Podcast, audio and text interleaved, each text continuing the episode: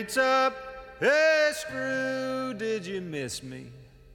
Jimmy, I see that you found a new friend. Warden, come down here and kiss me hello, cause I'm back home in Huntsville again. Welkom bij de Prison Show, het programma over delict, straf, herstel en terugkeer. Oprecht, onafhankelijk en baanbrekend. Want iedereen heeft recht van spreken en verdient erkenning voor wie hij of zij is. Met Edwin En Frans. Yes, I'm back home in Huntsville again.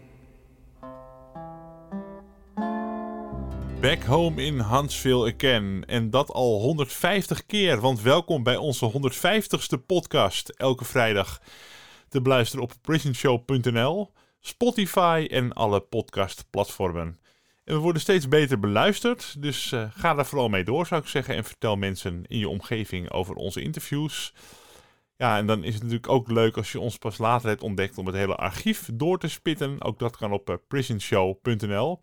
En nog op een andere mm, eh, link, die staat in de show notes van eh, de website van Herstel en Terugkeer. Daar is het archief doorzoekbaar. Dus als je dan op een eh, onderwerp wil zoeken of op een naam van iemand. Maar goed, wat gaan we doen in deze 150ste aflevering? Nogmaals, welkom. Op 10 juni reisden Frans en ik af naar de abdij van Berne. En dat ligt in het Noord-Brabantse Heeswijk-Dinter. Het was nogal een reis met treinen, bussen en een stuk lopen. Maar het was allemaal niet voor niks. Het was niet zomaar, want er werd een heel bijzonder boek gepresenteerd genaamd Voor God kom ik mijn cel uit, geschreven door Margreet Sanders. Vol indrukwekkende verhalen over de jeugdgevangenis waar zij werkt als geestelijk verzorger. Mooi bijzonder werk en heel waardevol. We kregen onze eigen kamer in de abdij, die ik snel verbouwde tot een studio. En we eh, spraken daar met eh, de schrijfster zelf en met nog drie van de aanwezigen, waarvan er twee te vinden zijn in het boek waarin ze reflecteren op de verhalen. Dat zijn hoogleraar religieuze educatie Monique van Dijk, docent levensbeschouwing Jolanda van Osta en Harry de Ridder van Amnesty in Nijmegen. Theologe en geestelijk verzorger Margreet Sanders bracht het boek uit Voor God kom ik mijn cel uit. In Voor God kom ik mijn cel uit tekent Margreet ontroerende verhalen op van kinderen in detentie.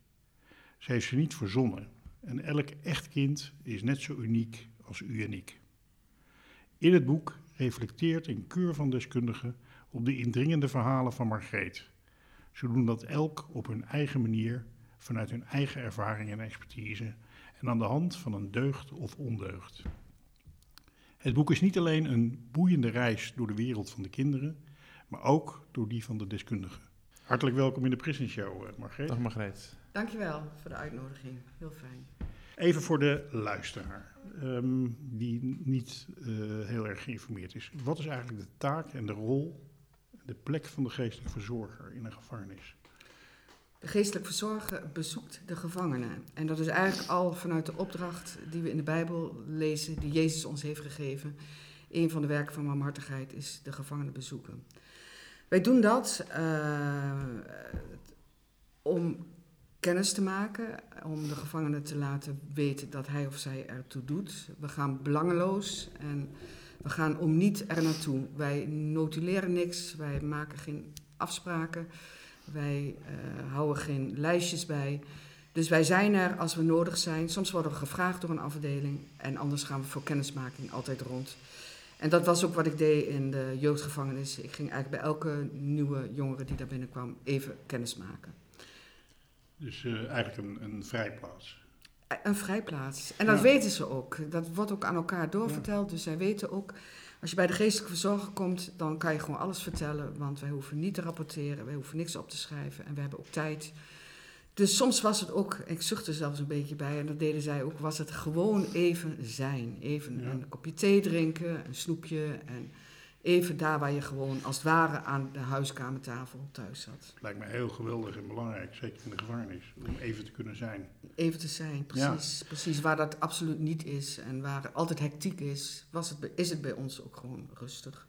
Kunnen we ehm, muziek draaien. jij ging bij iedere, of jij gaat bij iedere, iedere jongere ga je langs die daar geplaatst is. Ja, in principe eh, in de wat drukkere gevangenissen lukt dat niet altijd, maar hier lukte het wel om bij iedereen een intake te doen. Ik was daar de enige geestelijk verzorger. Oh, samen niet, geen andere Ja, de imam was er ook. Dus als de jongeren geen moslim waren, dan ging ik er langs. Of, dan, Oh, of ze humanistisch waren, boeddhistisch, of ze wat dan ook waren, of helemaal niets, dan ging ik langs. Dus zo hadden we een beetje een tweedeling. Wij runden daar eigenlijk de tent met z'n tweeën. Op vrijdag het gebed en op zaterdag de viering. Ja. Oké. Hoe ben je zelf in dit werk terechtgekomen? ja, ik werk al 25 jaar als pastoraal werker. In 50 jaar? 25. Oh, ik denk al- 25 jaar. Zo ze er toch Dan niet ben je gewoon Nee? Oké, geconserveerd. ja, ja, ja. jonge dame zit hier naast je. nee, nee. 25 jaar in de prochie. eh, dus ik heb een zending gekregen voor Bisdom Utrecht. En daar werk ik eh 25 jaar. Altijd wel met aandacht voor jongeren. Eh, en via vrijwilligerswerk voor de scholengroep van Amnesty International kwam ik eh, op scholen, maar ook in de gevangenis. Mhm. En mijn eerste bezoek in de gevangenis was bij een TBS-kliniek. En ik werd ongelooflijk getroffen daar door enerzijds de tragiek. Die eh, stroomt, ja, die zie je in de ogen van iedereen die we daar spraken.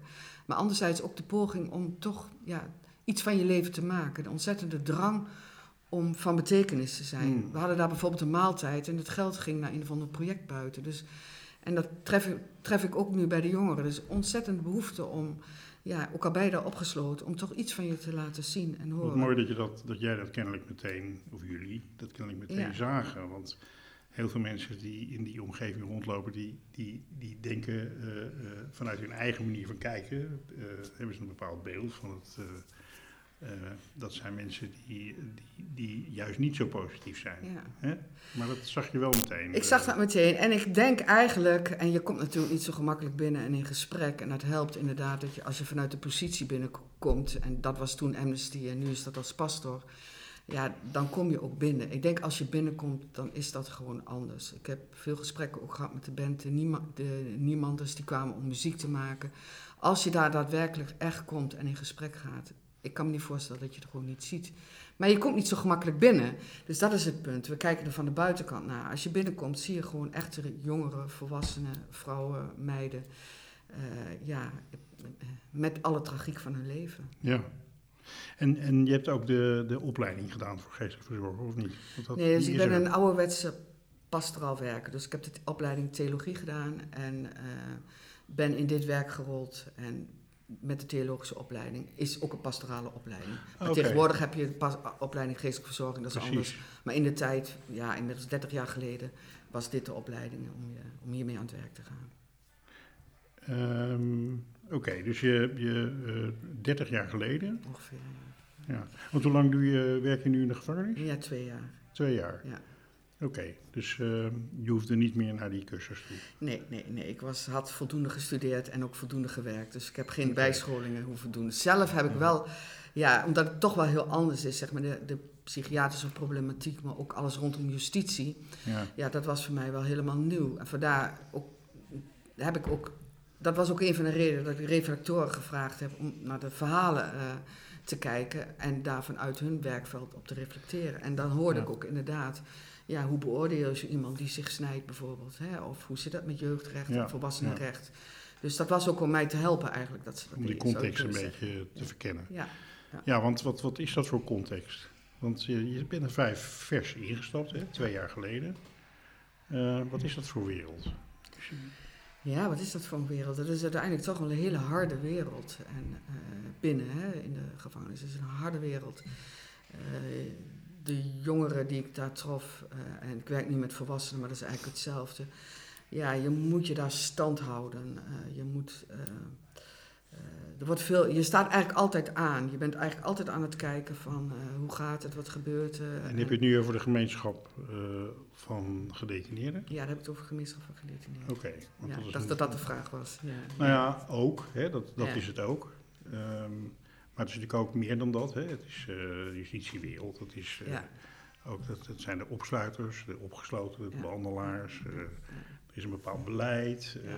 het is een hele wereld eigenlijk op zich. Ja, nee, dat klopt. En in het begin werd ook wel eens tegen mij gezegd: Je hebt geen idee waar je hier werkt. En dat had ik ook niet. En iemand anders zei: "Maar Dat moet je ook niet hebben, want dan kun je ook gewoon vrij rondlopen. Hè? Als je steeds Ja. Achterom kijkt, kan je niet werken. Dus je moet ook het vertrouwen hebben dat je daar gewoon kan werken. Ja. Dat je achter je rug niet iets gebeurt wat niet kan. Dus ik probeer ook niet te veel na te denken. Ja, dat moet wel met al die sluizen en poortjes en eh, pasjes en sleutels. Heb als jij ik- ook zelf sleutels? Ik heb allemaal sleutels en pasjes en eh, van maar alles ook op. om celdeuren open te maken? Nee, ik eh, maak geen celdeuren open, nee. Dus in principe gaat er altijd iemand met me mee. Bij de jongeren deed ik het wel eens. Kreeg ik wel eens de sleutel om open te doen. Maar in principe gaat er altijd iemand met me mee. Maar of komen, er, eh, komen mensen naar mij toe als we afspraken hebben. Ja, Ja. ja dus dat is wel, het is wel een andere wereld. Het is ook voor mijzelf wel een andere wereld. Iemand met claustrofobie eh, moet wel wat overwinnen voordat je ja. binnen bent en weet dat je niet binnen tien minuten weer buiten Wat bent. vond je het lastigste om aan te winnen? Eh,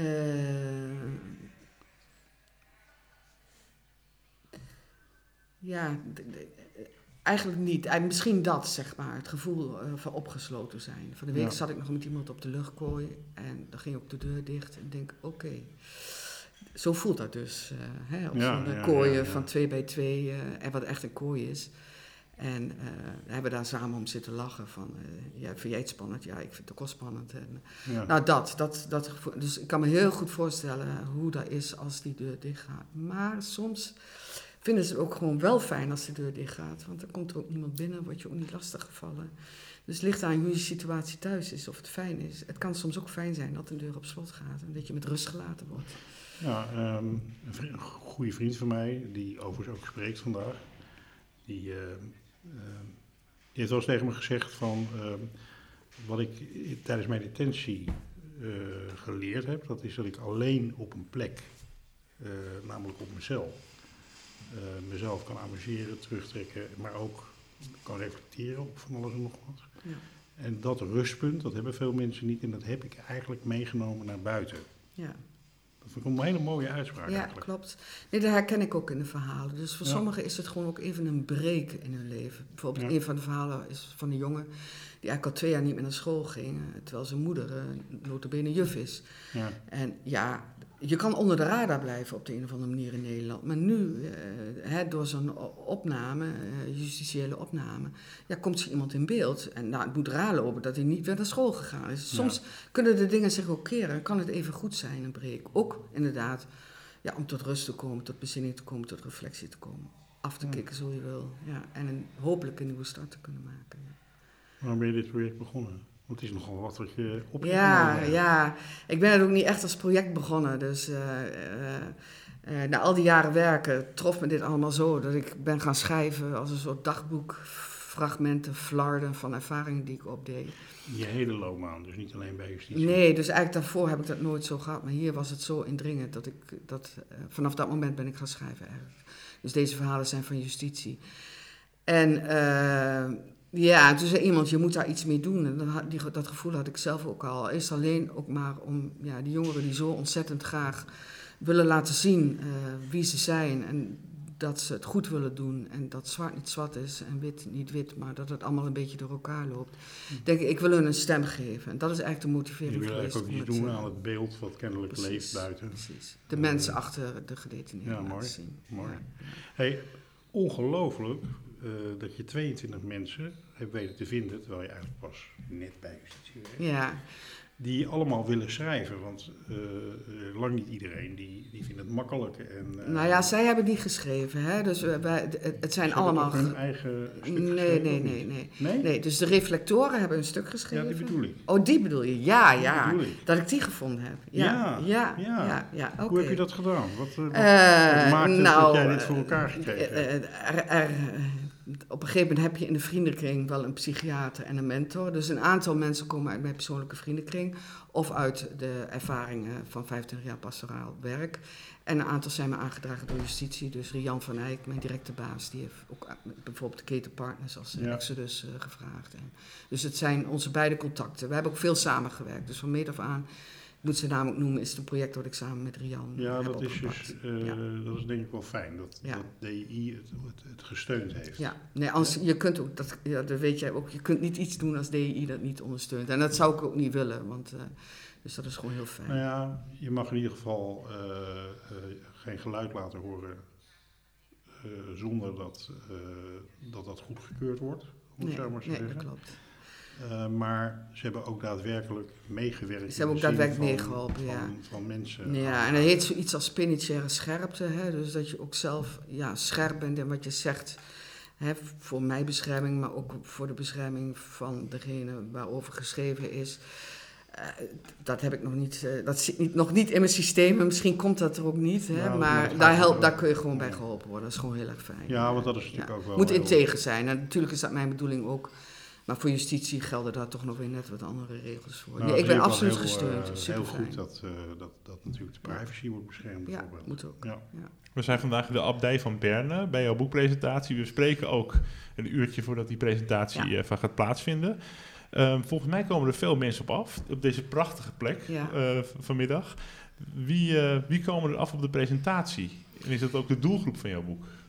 Ja, dus er komen, eh, er komen professionals op af. eh, en dat zijn inderdaad de psychologen, de juristen, de pedagogen, nou ja, enzovoort. Dus de achterban ook van degene die eh, reflecties hebben geschreven. En ik vind het echt een eer dat er twee bisschoppen zijn. Dus de bisschop de Korte, onder wiens zending ik, zending ik toen werkte. En die ook een bijdrage heeft geschreven in het boek. En eh bisschop eh, de Jong, eh, ja, die eigenlijk over de justitiepastores gaat. En zij zullen ook de eerste twee boeken in, eh, aannemen. Dus dat is heel fijn. Mooi. En, en nog meer eh, mooie sprekers. Kun je daar iets over vertellen? Ja, dus, het- ik heb twee sprekers gevraagd. Dat is Toon Walraven, die, zal, eh, die heeft ook gereflecteerd in het boek. En die zal ook iets vertellen over zijn, eh, nou, zijn eigen leven.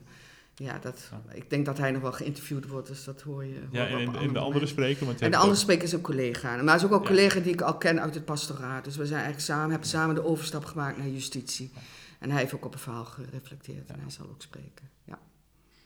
En Bea Brinkers, dus eh, in dit project heb ik eh, eh, ook een, andere, een vriendin betrokken die, ja, die illustrator is. En die heeft op haar manier bij alle verhalen ook illustratie gemaakt. En die zijn ook niet zomaar, maar die hebben ook allemaal, hebben ook allemaal betekenissen en lagen. En dan gaat ze ook uitleggen eh, ja, wat, wat die toevoegen aan het verhaal. Het zijn allemaal manieren om de verhalen te duiden. Dus een tekening is ook niet zomaar. Ja. En als ik de verhalen lees, krijg ik echt een, een, een beeld achter de muur van ja, de hele persoonlijke verhalen. Dus ook eh, wat ik daar zou meemaken als ik eh, magische krachten zou hebben en door de muur heen zou kunnen, kunnen kijken. Ja. Ja. Ja, ik denk wel dat je als het ware in de kamer zit. eh, en dat je kan meeluisteren en vooral voelen eh, hoe, dat, hoe dat gaat. En dan gaat het niet eens over het delict. Daar gaat het eigenlijk eh, helemaal niet over. om de maar mens. om de mens en gezien, zien, gezien worden. Dat is eh, gewoon het belangrijkste. Ja. Mooi. Ehm, als je, je, we hebben al iets gezegd hè, over de bedoeling van het boek is om iets te doen aan het beeld wat de buitenwereld heeft van mensen die binnen zitten. Ja. Ehm, dus eigenlijk is het boek dan, zou je zeggen, voor iedereen geschreven. Ehm, of heb je nog ook een beeld bij, bij de doelgroep waarvan jij in ieder geval denkt van nou, het zou wel heel fijn zijn als die mensen het boek zouden lezen. Ja, iedereen met een eh, vooroordeel naar deze jongeren toe zou eigenlijk Ja. dit boek moeten lezen. En eh, ja, dus het, ik heb verschillende dingen ook al gepubliceerd erover op social media. En dan hoor ik uit de onverwachte hoek ook van ja, ik, ik ben het volledig met je eens. Dus ja, dat moet ook iemand zijn die ergens er iets in herkent.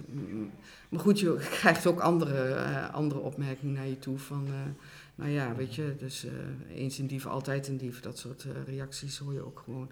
Ja. Maar ik hoop inderdaad dat met dit boek gewoon, ja, dat, dat dit boek een breder, bredere kijk geeft op die populatie die wij gevangen houden. Je hebt een aantal ja, je hebt natuurlijk een aantal kinderen gesproken, ontmoet. Eh, eh, uiteraard wordt er in het boek wordt er ook van alles gezegd over de manier van omgaan met, met de kinderen die binnen Mhm. zitten. Ehm, wat werkt volgens jou? Eh, ik, ik, eh, ik kan vragen van, goh, wat is nou de meest effectieve benadering, bla bla bla. Nee, wat, Wat, wat, werkt. wat, wat werkt gewoon als je als kind naar zo'n plek toe gaat? Ja.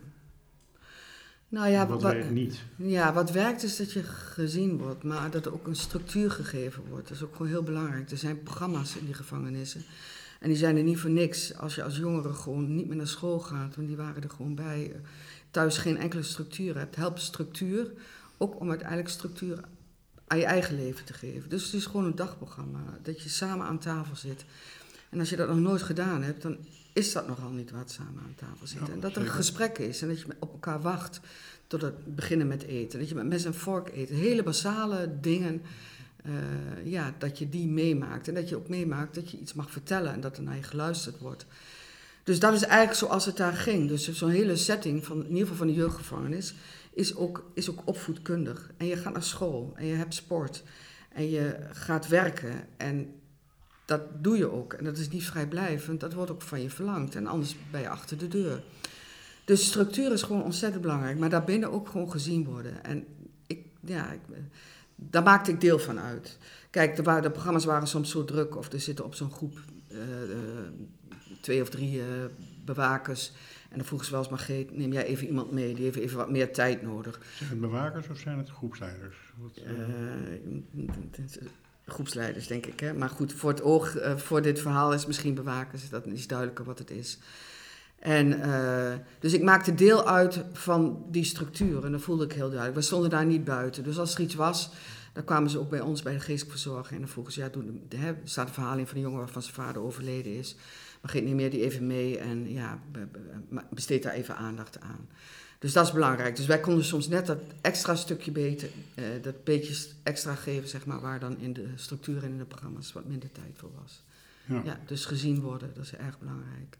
En ook een soort voorbeeld. Ik denk ook, we herinneren ons allemaal nog wel dat we een voorbeeld hadden, weet je, een juf of, of een of andere leider van iets die maakte eh, dat je, die in jou geloofde en die maakte dat je net een stap verder kon zetten dan, eh, ja, dan je misschien van tevoren had gedacht, die iets in jou zag. Ik denk dat dat ook heel belangrijk is. Ja. Als er niemand meer in gelooft, of als je niet in jezelf gelooft, Hm. nou, dan deden wij dat altijd wel. Ik kan het er alleen maar mee eens zijn. Ja. Wat heeft het schrijven van dit boek jou opgeleverd? En wat heb je er zelf van geleerd? Ja, het, het schrijven bracht mij tot verdieping. Weet je, er waren het eerst gewoon losse flarden zijn of ervaringen. eh, ja, kwam het, tot een, kwam het tot een structuur en kreeg ik uiteindelijk ook meer zicht op wat ik daar nou aan het doen was. Ja, Hè, dus kon ik mijn methodes eruit halen, waar ik vrij onbevangen natuurlijk inging. En ontdekte ik dat muziek erg belangrijk is. Dat het aansteken van een kaarsje is niet een magisch moment, maar is een moment waarop je verbinding maakt met jezelf, met je familie, met de buitenwereld. Je steekt nooit een kaarsje aan om niet, daar hoorde een verhaal bij. Eh, de kaartenpot, hè, waar ik over schrijf in een van de eerste verhaaltjes, wat ook vandaag verteld wordt. Dat ik, al die dingen die ik buiten gewoon al jarenlang deed, binnen gewoon vanuit een totaal andere context ook helemaal anders moesten. Dus mijn mensbeeld, mijn wereldbeeld ging op de schop, maar ook mijn methodiek. Ik moest mezelf eigenlijk opnieuw uitvinden in mijn pastorale werk.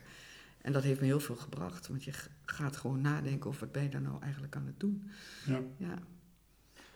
Eh, Want die jongen zei wel, want dat is de titel van het boek, voor God kom ik mijzelf uit. Ik denk, oké, maar als ik dan nu God ben, wat moet ik, wat moet ik dan doen? Hè? Wat wordt er van mij verwacht? Eh, en eh, daar had ik dan een paar minuten de tijd voor. Maar uiteindelijk bleek dat, dat er niks van mij verwacht wordt. Maar dat puur het feit ja, dat je iemand ophaalt en even tijd maakt, dat dat al voldoende was. Dus de methodes deden er niet zoveel toe. Zijn wel fijn om te hebben, maar aandacht, dat is eigenlijk het sleutelwoord. ja. En kost je dat moeite? Word je moe van? Nee, want ik ben ook gewoon heel erg nieuwsgierig. Ja. En niet, eh, eh, ook gewoon nieuwsgierig in die mens, in wat hij of zij meegemaakt is. En vooral ook ontzettend onder de indruk van de positieve kracht eh, die ze zelf eigenlijk hebben. Daar hoefde ik helemaal niks aan toe te voegen. Die was er een enorme hoop en een enorme drive om iets van het leven te maken. Zelfs als je binnen bent, Hmm. was dat zo. Ja. Dus dat kost me geen enkele moeite, nee. Mooi. Nou, dankjewel. En eh, nou, ik denk dat, eh, dat het een mooie, mooie inleiding is op onze, op onze podcast. Zeker. En ik hoor nu al heel wat gerumo- gerumoer op de achtergrond. dus we gaan straks eh, het boek mooi in de wereld laten, zoals het heet. Super. Dankjewel. Ja, jullie bedankt. Ja. Dank je, Margreet.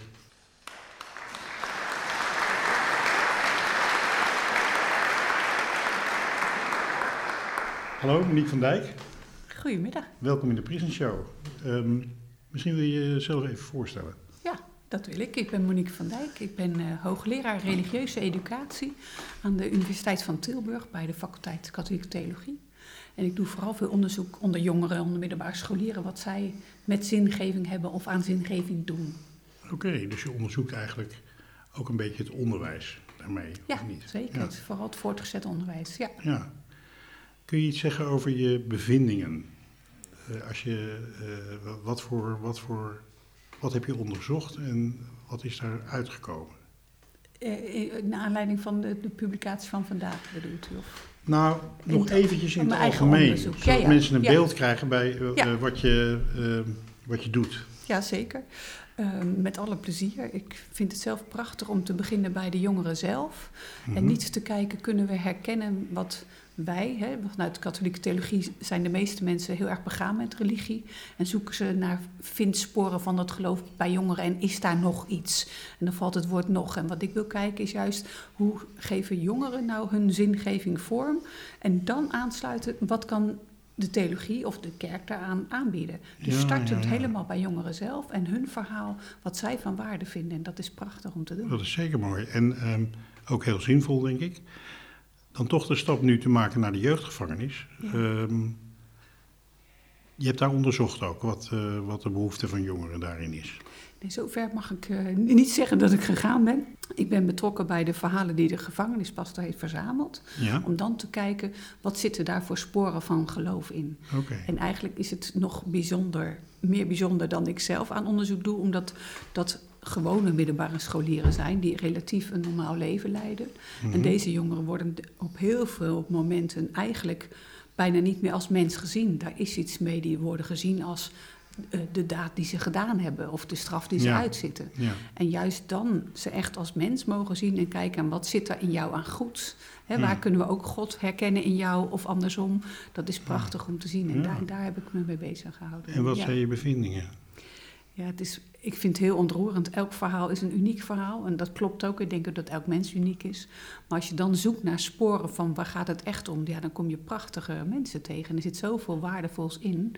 En eh, het lijkt alsof de gevangenis een soort snelkookpan wordt voor dat soort vragen omdat je zo beroofd wordt van je vrijheid, van alles wat gewoon was. Dat je teruggeworpen wordt op wie ben jij dan echt? En als je dan iemand naast je vindt die daar oprecht in geïnteresseerd is... en niet vindt dat je eh, moet, die een oordeel heeft of die moet straffen of iets dergelijks... Ja, dan, dan openen die mensen zich enorm snel, veel sneller dan de gemiddelde jongere doet... die dit soort eh, ja, behoorlijk stevige eh, zaken niet meemaakt. Ook hè, deels door eigen toedoen, zeggen we dan. Maar tegelijkertijd blijft het een uniek mens en wordt daarnaar gezocht. En dat is prachtig om te En ontdekken. kom je dan een, een, een onvermoed rijke wereld tegen? Ja, zo zou je het wel kunnen zeggen. Vooral omdat de waarde zit in het echt gewoon nabij zijn bij die ander. Dat klinkt heel gewoon, maar dat is het eigenlijk niet. En dat Ja. komen mensen weinig tegen die toch zeker in de maatschappij altijd apart gezet worden en veroordeeld worden. Ja. Daar gaat iets heel moois open als ze echt in gesprek kunnen met ja, maar wie ben jij echt en wat zit er in jou? Terwijl Ja. ze vaak opgegeven zijn, zelfs door ouders of vrienden. Of, Maar ik kan me voorstellen dat, dat, dat jongeren die binnen zitten, dat die eh, vaak te maken hebben gehad met geweld, met trauma, met eh, eh, overlijden van mensen en, en dat soort dingen allemaal. En dat dat inderdaad wel situaties zijn waarin je ja, ook echt gaat nadenken, waarom ben ik hier, waarom ben ik, waarom ben ik op deze aarde? absoluut. En als je iets hebt in de gevangenis, is het tijd. Ja. Dus daar komt dan die ruimte voor. En je wenst niemand toe dat je dat op deze manier leert. Ja. Maar dat zijn wel de existentiële ervaringen waar dat naar boven komt. Ja, Is dit waar eh, een van de redenen om het boek te lezen, om daar kennis van te nemen? ja en om hoopvol te zijn over jonge mensen van nu, ook al zit er al een stempel op. Want Ja. ze worden vaak weggezet, maar ja, dat is ook hopeloos. En, en, en juist toch kijken wat er wel is. Het zijn echt super ontroerende verhalen. Ja, het zijn, eh, het zijn eigenlijk hele talentvolle mensen. Zeker. Mensen zoals ook- jij en ik, Ja. met eh, dromen. Precies, precies. Ja. Ja. En ook met een, ja, een stuk beschadigdheid en kwetsbaarheid die vaak niet meer wordt gezien. Maar als je dat ziet, denk je, ja, dat, dat het unieke in de, het mens zijn en het mooie daarin en, en hun talenten, die zitten daar ook onder. En die worden prachtig naar voren geluisterd, denk ik, in de verhalen en de koppeling aan de deugden. Dus ik vind het een heel mooi boekje. Ja, Mooi, dankjewel. alsjeblieft. Een andere bezoeker van, eh, van deze eh, boekpresentatie en ook een, eh, iemand die gereflecteerd heeft op, in het boek, is Jolanda van Osta, docent levensbeschouwing en klassieke talen aan het Sint-Oebert Gymnasium in Oosterhout. Welkom in de eh, Jolanda. Dankjewel. Ehm, een docent levensbeschouwing. Eh, het klinkt mij als muziek in de oren dat dat in het onderwijs gebeurt. Ik roep altijd op verjaardagen dat ik vind dat dat, ja, dat, dat eh, gewoon door de hele jeugd heen gegeven zou moeten worden, dat vak. Maar misschien wil je nog eens toelichten wat het is en eh, wat je dan doet. Ja, we doen natuurlijk heel veel, maar het is, ik denk ook inderdaad een heel belangrijk en onmisbaar vak. Zeker in de middelbare schoolleeftijd, als jonge mensen tussen de 12 en de 18 een beetje ontdekken wie ze zijn en Ja. wat ze willen worden misschien. En ook wel een beetje worstelen vaak met het leven en alle nieuwe ervaringen die ze opdoen. En bij een, in onze vakken levensbeschouwing proberen we ehm, daar een beetje handen en voeten aan te geven. Wat, En- is, eh, wat is de belangrijkste vraag? Wat is de belangrijkste vraag? Wie ben ik? En ehm, tegelijkertijd kijken we ook een beetje naar wat is de wereld en hoe wil ik daarin staan, zal ik maar zeggen. Ehm, dat doen we aan de hand van heel veel verschillende vragen. Ehm, soms is het ook het beste uit te leggen aan de hand van voorbeeldjes. Dus bijvoorbeeld in de tweede klas ben ik nu bezig met gedichten schrijven over de liefde. En wat ik eigenlijk niet verwacht had, dat de lastigste tweede klas die ik heb, waar echt een paar eh, meisjes in zitten, vooral van wie ik ook weet dat ze, dat ze een, een zware thuissituatie hebben. Die krijg je zelden mee met de les. Maar die gingen in deze les eigenlijk heel, eh, heel serieus uiteindelijk hun gedicht schrijven. Wilden op het eind zelf nog even een foto maken van dat gedicht, want ze moesten het boekje weer bij mij inleveren om het mee naar huis te nemen. En ik, ik had geen kind aan die klas. Dus, en dat is eigenlijk kennelijk hadden ze wel daar dus heel erg behoefte aan. Op de een of andere manier wel. En iedere keer word ik soms, want ik had het ook weer niet zien aankomen. Ja, je weet het soms wel en soms niet. Hè? Wat, wat, een, wat raakt of wat niet raakt. En je slaat natuurlijk ook wel eens de plank mis. Net zoals Margreet met haar eh, kaarten in de gevangenis, zal ik maar zeggen. Maar op de een of andere manier dacht ik, oh, maar dit is, dit, hier moet ik dus iets, iets meer mee gaan doen. Dus ik had ze ook gezegd dat ze gewoon even stil moesten worden. En we hadden een aantal inleidende oefeningen gedaan en Ja. gedichten gelezen enzovoort. En ik zeg nu even stil worden. En, en in, in een aantal stappen kwamen ze toen zelf tot het schrijven van een gedicht. En dat liep ineens als een tierenlier. En dan denk ik, dit is dus iets wat hen echt beweegt. En wat, waar ze dus, wat dus goed valt, zal ik maar zeggen. Waar Ja. ze blijkbaar behoefte aan hebben. Ja, dus kennelijk gaat dit over waar ze echt mee bezig zijn. Ja, En, nou in eh, ieder geval wel. In ieder geval, dat geldt natuurlijk nooit voor een hele klas. Maar voor een, eh, in dit geval, eh, soms kan er ineens zo'n sfeer ontstaan in de les... waar je denkt van, hier, Ja. hier gebeurt iets. En je zei van, ehm, het zijn vooral ook een paar meisjes waarvan je weet dat ze een zware thuissituatie Ja, ja. hebben. Ja, de mensen in de jeugdgevangenissen hebben ook een zware situatie. precies. Ja. Ehm, kennelijk ga je daardoor nadenken als je dat soort omstandigheden meemaakt. Of heb je behoefte om na te denken over de vraag van wie ben ik? Ja, dat denk ik wel. Dat denk ik wel. En, het, en daar is over het algemeen eigenlijk te weinig ruimte, te weinig tijd voor. Dat is ook een beetje het lastige als je docent bent op een middelbare school. Er komen iedere week zo'n 250 tot 300 leerlingen aan mij voorbij. Hm. Probeer eerst maar de namen te leren en probeer vervolgens maar eens te weten hoe het met iedereen gaat. Weet Ja. je wel? Dat is natuurlijk hartstikke ingewikkeld. En sommigen springen eruit en anderen die zie je eigenlijk niet of te weinig. Terwijl ieder kind natuurlijk recht heeft om gezien te worden. En je er ook van uitgaat dat ieder kind wil gezien worden en wil ook leren. Maar dan moet er ook aandacht voor kunnen zijn. Dat is natuurlijk een van de lastige. Lijkt me heel dingen. lastig, ook omdat het, het- ik vermoed dat, dat mensen die hele heftige dingen meemaken thuis, daar niet altijd direct mee naar voren Nee willen dat, of durven te komen. nee, dat vraagt een relatie van vertrouwen, zoals een pastor heeft, zal ik maar zeggen. Zoals je Ja, dat terug hoort ja. eh, in de verhalen van Margreet. En dat is soms doen leerlingen dat tegenover een mentor. Ja. Ehm, en soms doen ze tegenover een docent waar ze zich vertrouwd mee voelen. Maar soms is er weinig ruimte voor. En, Ja. dat, is, en dat is eigenlijk eh, ja, dat is lastig, zal ik maar zeggen. En tegelijkertijd heel hard nodig. Ja. En dat, dat zien we in het onderwijs ook. Kun je iets zeggen over het boek en jouw bijdrage daaraan? Ja, ik kreeg, ik kreeg voor het boek het verhaal van Koen. Dat is natuurlijk niet zijn eigen naam, maar... eh, ehm, en dat verhaal ging over een jongen die eigenlijk ook te maken had... dat er te weinig aandacht voor hem was. Met een zware eh, geschiedenis in de, in de opvoeding. Hè, met geweld en, en verwaarlozing. En die uiteindelijk ehm, voor brandstichting in de gevangenis uh, beland. Maar eigenlijk houdt van studeren en bezig was met de HAVO, maar vervolgens al twee jaar thuis zit. Met een moeder die, en Margreet verbaast zich erover in het boek, notabene in het onderwijs werkt. Nou, dat is Mhm. natuurlijk ook wel bijzonder. En ik heb dat verhaal van Koen eigenlijk gelegd naast een verhaal wat ik zelf eh, gehoord heb van een mentorleerling van mij. Dat was een meisje van 16. eh, ouders gescheiden. Haar broertje woonde bij moeder en zij woonde bij haar vader. Maar haar vader had een relatie met een, eh, met een vriendin ergens op een Mediterraanse eiland. Dus om de havenklap was hij weg. En als hij thuis was, dan werkte hij, maar hij werkte op de vaart. Dus dan was hij ook weg. Dus zij zat eigenlijk bijna altijd alleen. Ze was 16 jaar en woonde Zo. eigenlijk daar alleen. En dan ging ze met de kerstdagen naar de moeder. En dan ging ze na een dag weer terug naar huis. Want moeder had alleen maar aandacht voor haar nieuwe vriend. En eigenlijk geen aandacht voor haar. En dan kwam op 2 januari vader thuis van zijn mediterraanse reis. En die gooide dan zijn koffers door de kamer. En die zei, ga maar opruimen. En die gaf haar soms geld en soms ook niet. En die moest het eigenlijk in haar eentje zien te rooien. Nou, daar moest ik aan denken toen ik het verhaal van Koen las. Nou, het is, Ja, eh, ik, ben, is- ik ben nu, zie je het zo verteld, Ja, ben ik al heel erg onder de indruk van wat je vertelt. Het, het raakt heel erg. Ik, Ja. ik merk dat ik er gewoon ontroerd van raak. ja, van- dat was, van dit dat was ik ook. Ja, van, ja. Ehm, ja, ik denk eh, eh, meer aanbevelingen hebben we niet nodig om dit boek te gaan lezen. Ja, dat, dat- ik heb de andere reflecties nog niet gelezen, maar allemaal mensen uit het werkveld. Dus ben ik heel benieuwd naar. Ik ben Ja. benieuwd naar de andere verhalen van de jongeren, maar ook naar al die mensen uit het werkveld die daar hun eigen gedachten over laten gaan. Want er zijn natuurlijk overal jongeren die, die met problemen rondlopen en die zware verhalen en zware dingen meemaken. Ja, En allerlei mensen in het veld die daar eh, ja, mee moeten dealen en daar het beste van, eh, van proberen te maken, zoals in Zeker. het onderwijs. zeker. Jolanda, heel erg bedankt. Graag gedaan. Ja, we hebben hier eh, aangeschoven Harry de Ridder, voorzitter van Amnesty Nijmegen. En hij kent Margreet van de scholengroep van Amnesty. En ja, dat brengt me meteen op mijn eerste vraag. Ehm, wat is dat, die scholengroep van Amnesty, en wat doet die?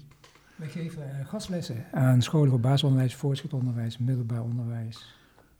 Ja, En eh, Margreet ken ik al vrij lang. Ik weet het, ik denk al bijna tien jaar of zo. ja. En wij geven samen eh, altijd gastlessen. ja en waar gaan die lessen over? Die, alles wat te maken heeft met mensenrechten. Dat kan heel breed zijn. Over de hele vl- vluchtelingenproblematiek, over democratie, dictatuur, Ja, eh, de oorlog in Oekraïne. We, we maken heel veel eigen lesmateriaal. Ik ben ook leerman, leermiddelaar, ontwikkelaar van beroep. En eh, ja, Ja. een hele goed, flo- eh, goed florerende groep die veel gastlessen geeft. ja. Nou, wij ehm, in de Prison Show, de podcast die wij maken, gaat het vaak over de mensenrechten. Bijvoorbeeld eh, in het kader van de onomkeerbare levenslange gevangenisstraf en de vrijheid van meningsuiting van, van mensen die bij justitie werken en allemaal dat soort dingen. Ehm, wat, wat is de stand van zaken van de mensenrechten in Nederland? Stand van zaken, jeetje. Eh, Hoe kijk je er tegenaan? Wordt het, wordt het steeds beter of, of wordt het... eh, Ja, dat vind ik heel moeilijk te zeggen. Ik ben al heel lang eh, actief bij Amnesty, al 40 jaar. 40 Mhm. jaar geleden toen ik begon was ieder land in eh, Latijns-Amerika was nog een dictatuur. Die zijn nu eh, zo'n beetje allemaal verdwenen, maar ja, het gaat Ja. met golven op en neer. Ja, Ik, eh, over de huidige situatie ben ik niet altijd heel gelukkig of zo. nee. Maar goed, MC heeft natuurlijk is lange termijn werk. En je hebt altijd wel dingen weer, mensen die toch vrijkomen waar jij je voor inzet. Mag ik een, mag ik een, beeld teruggeven en, even horen wat je daarvan vindt? Ehm, we hebben een periode gehad dat Nederland heel erg bekend stond. Hè, van wij, wij spraken ook landen aan eh, als het ging om mensenrechten en dat soort dingen. Dat klopt. Het werd ook heel, was, ook, was ook echt een belangrijk ding op de agenda. Hè, ook de politieke agenda, mensenrechten.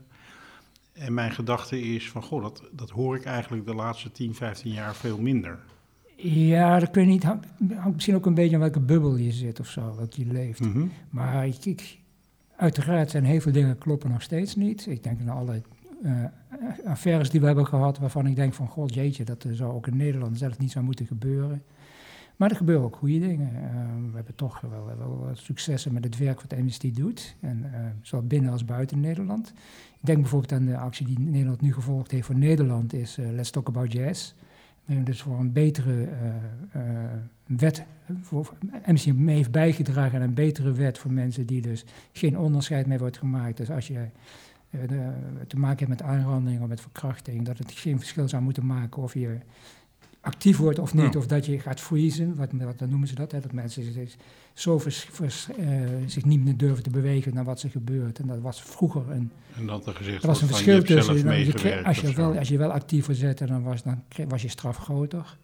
En dat heeft mede dankzij die acties van Amnesty binnen eigen land toch wel veranderd. Ja, er komt, er komt een nieuwe wet. Ja, dat heeft Amnesty heel actief mee geweest. Ja. Zeker. Ehm, ja, toch nog weer zo'n zo'n moeilijke vraag. Maar ehm, ja, u werkt dus met, met jeugd hè, op die Ja. scholen. Eh, hoe reageert de jeugd van tegenwoordig, zoals we dat zo mooi noemen, Ja. hoe reageert hij op dit onderwerp? Ook dat kan ik niet in zijn algemeenheid zeggen van iedereen eh, kijkt er. Maar het, hangt er een beetje af van wie je daar eh, voor je in de klas krijgt. En het Ja. kan, de ene les is leuker dan de andere les. De ene werkt beter dan de andere.